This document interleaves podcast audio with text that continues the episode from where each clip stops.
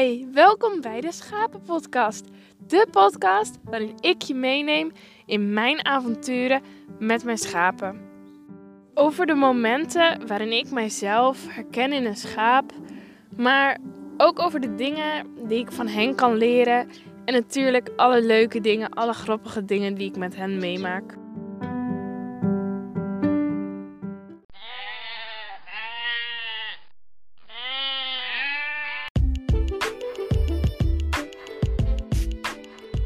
Hoi, leuk dat je luistert naar weer een nieuwe aflevering van de Schapenpodcast. In deze aflevering ga ik een aantal vragen beantwoorden. Zoals je al hebt gezien, heet deze podcast Vraag het een schaap. En ik vertelde het al een beetje in de vorige aflevering, in aflevering 4, dat ik natuurlijk niet mijn microfoontje voor een schaap ga houden en dan ga wachten, want dat heeft vrij weinig zin. Dus ik ga het gewoon lekker zelf beantwoorden. En ik denk dat uh, mijn schapen het ook wel uh, redelijk zo zullen omschrijven. Hoe ik het ga vertellen.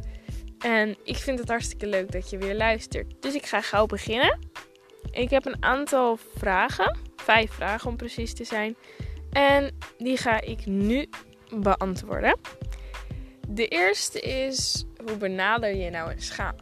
Want waarschijnlijk heb je het wel eens geprobeerd.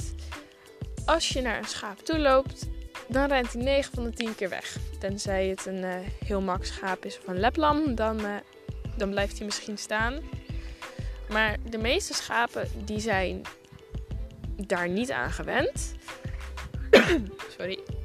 En die zijn misschien aan hun baas gewend. Die van mij zijn zeker wel aan mij gewend. Maar uh, ja, dat verschilt heel erg per schapen. Want sommige zijn echt heel schuw en uh, die lopen ook niet graag naar hun baasje toe. Die zijn gewoon helemaal gewend aan de kudde en niet aan mensen.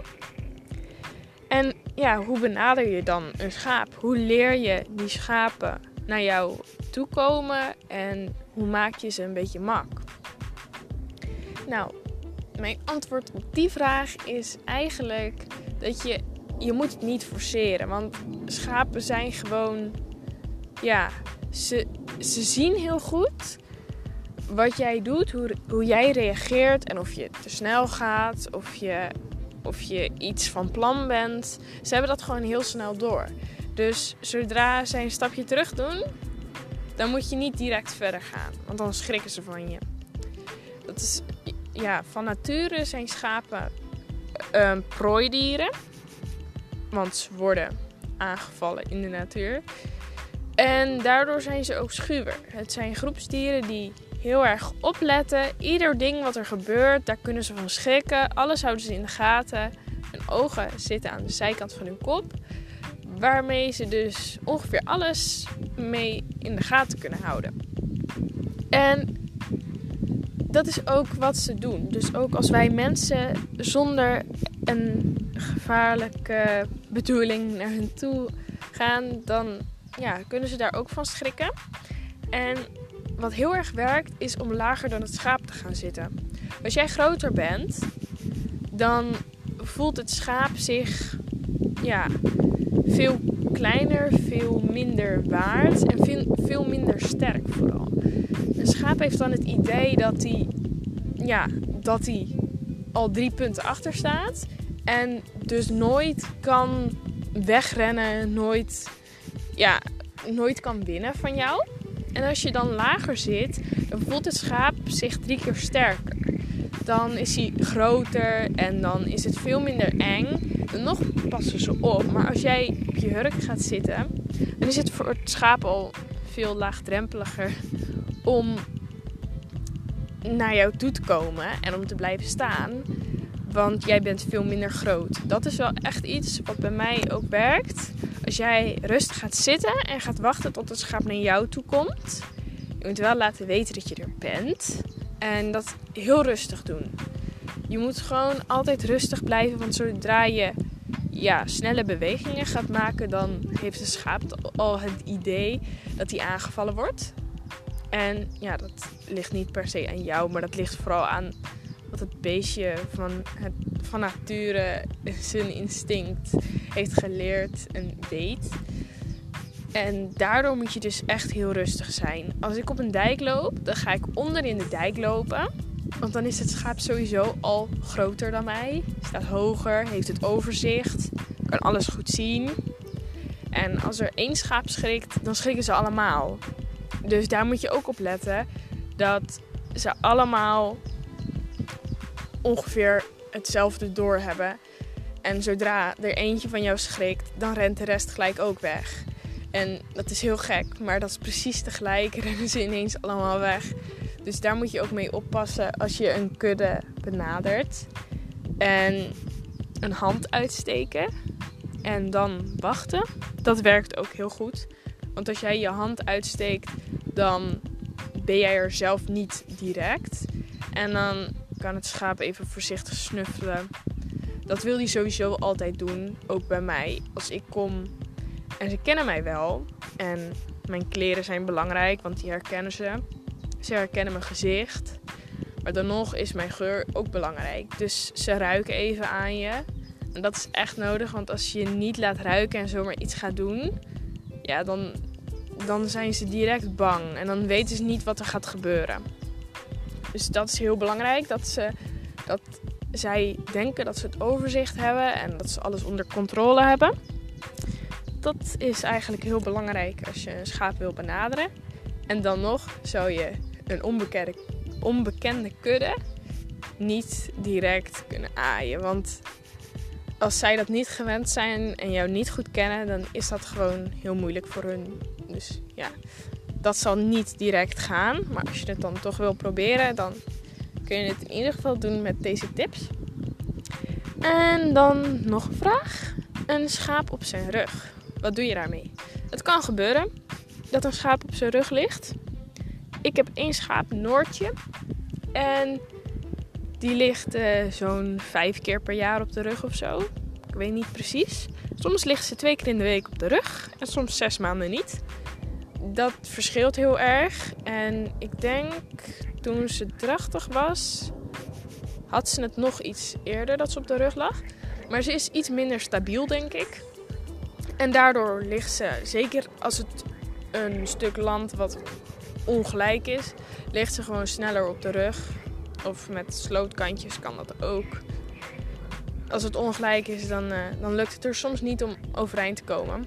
En dan rolt ze achterover en dan ligt ze op de rug.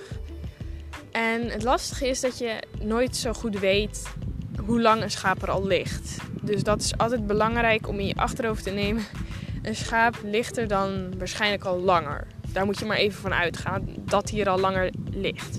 En als een schaap er langer ligt, dan zet je hem op zijn kont. Eerst even 5 minuten of zo.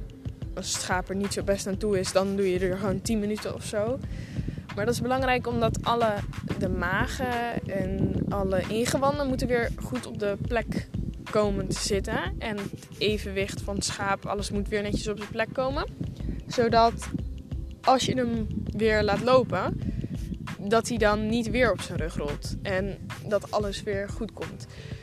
Dus wat je doet als je een schaap ziet liggen, dan uh, ga je erachter staan bij de kop. En dan pak je de twee voorpoten en dan zet je hem op zijn kont. En dat is helemaal prima. Je moet wel stevig vasthouden. Want de schaap vindt dat eerst niet heel leuk. En daarna, meestal komt het dan wel goed. Dan ga je op je knieën erachter zitten tegen de rug van de schaap. En dan uh, een beetje fluisteren, dat hij een beetje rustig wordt. En dan laat je hem even zitten. Dat is heel belangrijk, dat een schaap weer alles goed op zijn plek weet te krijgen. En daarna zet je hem voorzichtig of overzij of gewoon recht voorover. Zet je hem weer neer en dan moet je even in de gaten houden of alles goed gaat. Want het kan zijn dat hij direct weer op zijn rug rolt. En dan moet je dus nog even opnieuw weer iets langer blijven zitten. En als een schaap gaat poepen of plassen en direct gaat eten, dat is helemaal prima. Want dan, uh, dan zie je dus wel dat het schaap een poosje er al ligt. En dat hij dus echt wel weer even trek heeft en zo. Want als het op zijn rug ligt, kan hij sowieso niet eten. En ik denk dat poepen en plassen ook wat moeilijker gaat. Dus dat is goed om te zien als hij alles weer gaat doen. En dan eh, ja, moet hij even weer terug naar de kudde. Soms dan is hij even zijn oriëntatie kwijt en moet je weer even richting de kudde sturen. Maar uh, dat is eigenlijk wat je moet doen als een schaap op zijn rug ligt. Het is wel belangrijk dat je dat weet, want heel veel mensen weten het niet. En een schaap kan daaraan doodgaan als die lang ligt. Want het is niet de houding van een schaap, het is best gevaarlijk. Dus wij houden Noortje houden we ook beter in de gaten. Ze heeft het af en toe en ik weet hoe het werkt. Ik schrik er ook niet zo heel erg meer van als ik het zie. Maar het is wel belangrijk dat als ze op de rug ligt, dat ze zo snel mogelijk weer overeind komt. En tot nu toe is het nog goed gegaan. Dus we houden er gewoon wat beter in de gaten. En ze weet ook wel dat als we er komen helpen, dat het dan wel goed is. Nou, dat is um, wel handig om te weten wat je moet doen als een schaap op zijn rug ligt. En dan um, nog een vraag: waarom worden schapen op een kont gezet? Want ja, dat zie je met scheren misschien wel eens. Of als een pootjes worden uitgesneden. Waarom wordt dat nou gedaan? Nou, omdat het schaap dan rustiger is. Je kunt het schaap dan goed vasthouden. Het kan niet weglopen. Het kan niet op de pootjes staan. En eerst vindt het schaap het niet leuk, want ja, het is een vluchtdier die wil wegrennen. Maar uiteindelijk, als ze 10 seconden zitten, dan zijn ze heel erg rustig daarbij. En meestal gaat het dan ook wel hartstikke goed. Dan, uh, ja, ik hou ze dan een beetje rustig en dan, ja, dan vindt het schaap het eigenlijk ook wel fijn vaak bij mij. En sommigen gaan we dan, uh, die vinden het helemaal prima. Die blijven gewoon langer zitten. Die vinden alles prima. Maar dat uh, wordt gedaan om schaap te scheren of pootjes um, bekappen. Dan wordt dat gedaan. En soms met een spuitje, maar meestal niet, denk ik, daarbij. Maar dat is op zich wel een handige manier hoe je een schaap neer kan zetten. Een heel sterk schaap krijg je niet direct op zijn kont. Dan moet je echt, ja, tenminste ik niet. Mijn vader wel, maar dan heeft hij wel wat hulp nodig. Een schaap is best wel sterk met zijn poten. En met de achterpoten gaat hij ook echt even tegen spartelen. Maar als hij eenmaal zit, dan vindt hij het wel prima. Um, dan nog de vraag: hoe gaan schapen met elkaar om in de kudde? Want schapen, ja, in de kudde zijn ze heel erg gehecht aan elkaar. En ja, het is echt een soort van familie, gezin dan die echt goed op elkaar letten ook.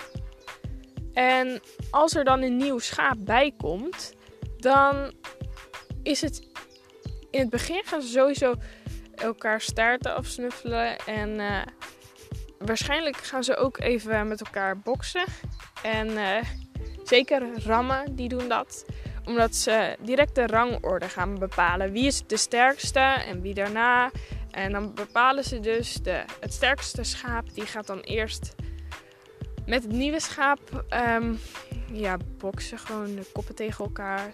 En zo bekijken ze wie de sterkste is.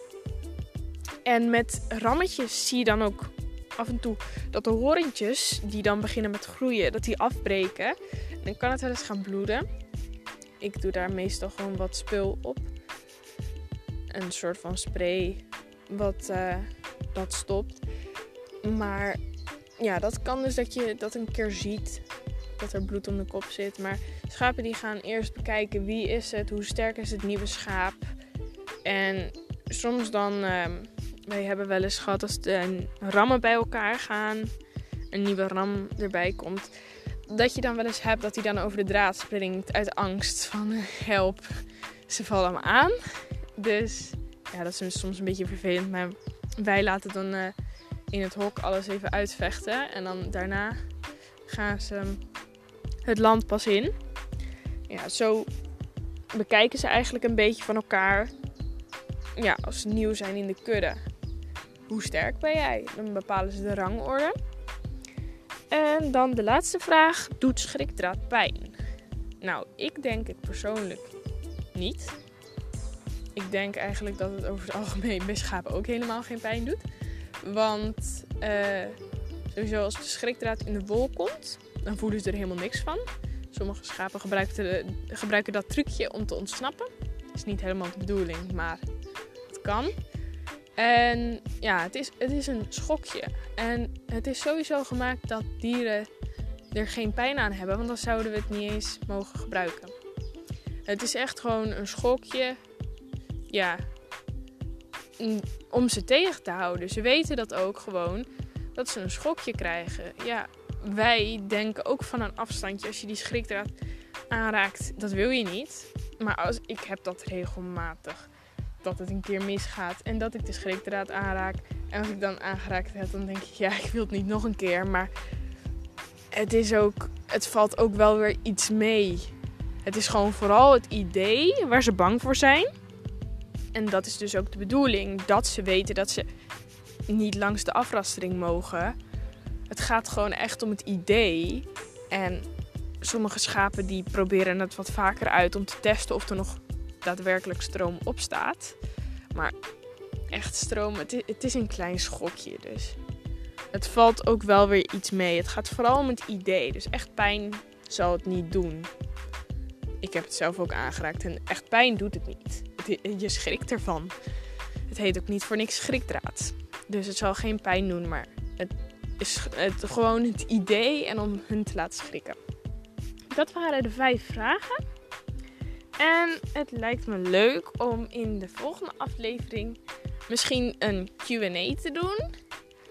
En laat me de vragen maar weten. Je kunt ze gewoon sturen op Instagram in mijn DM.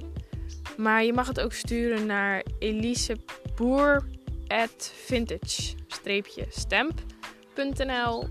Dat uh, is ook prima. En dan uh, laat maar even weten of je het leuk vindt om de volgende keer een QA te doen. En dan ga ik even vragen van jullie verzamelen. En misschien heb ik zelf nog wel vragen die veel aan mij gesteld zijn. Ga ik die ook even beantwoorden. En dan uh, hoor je me weer in de volgende aflevering. Super leuk dat je dit uh, hebt geluisterd naar deze aflevering. En tot de volgende keer. Doei!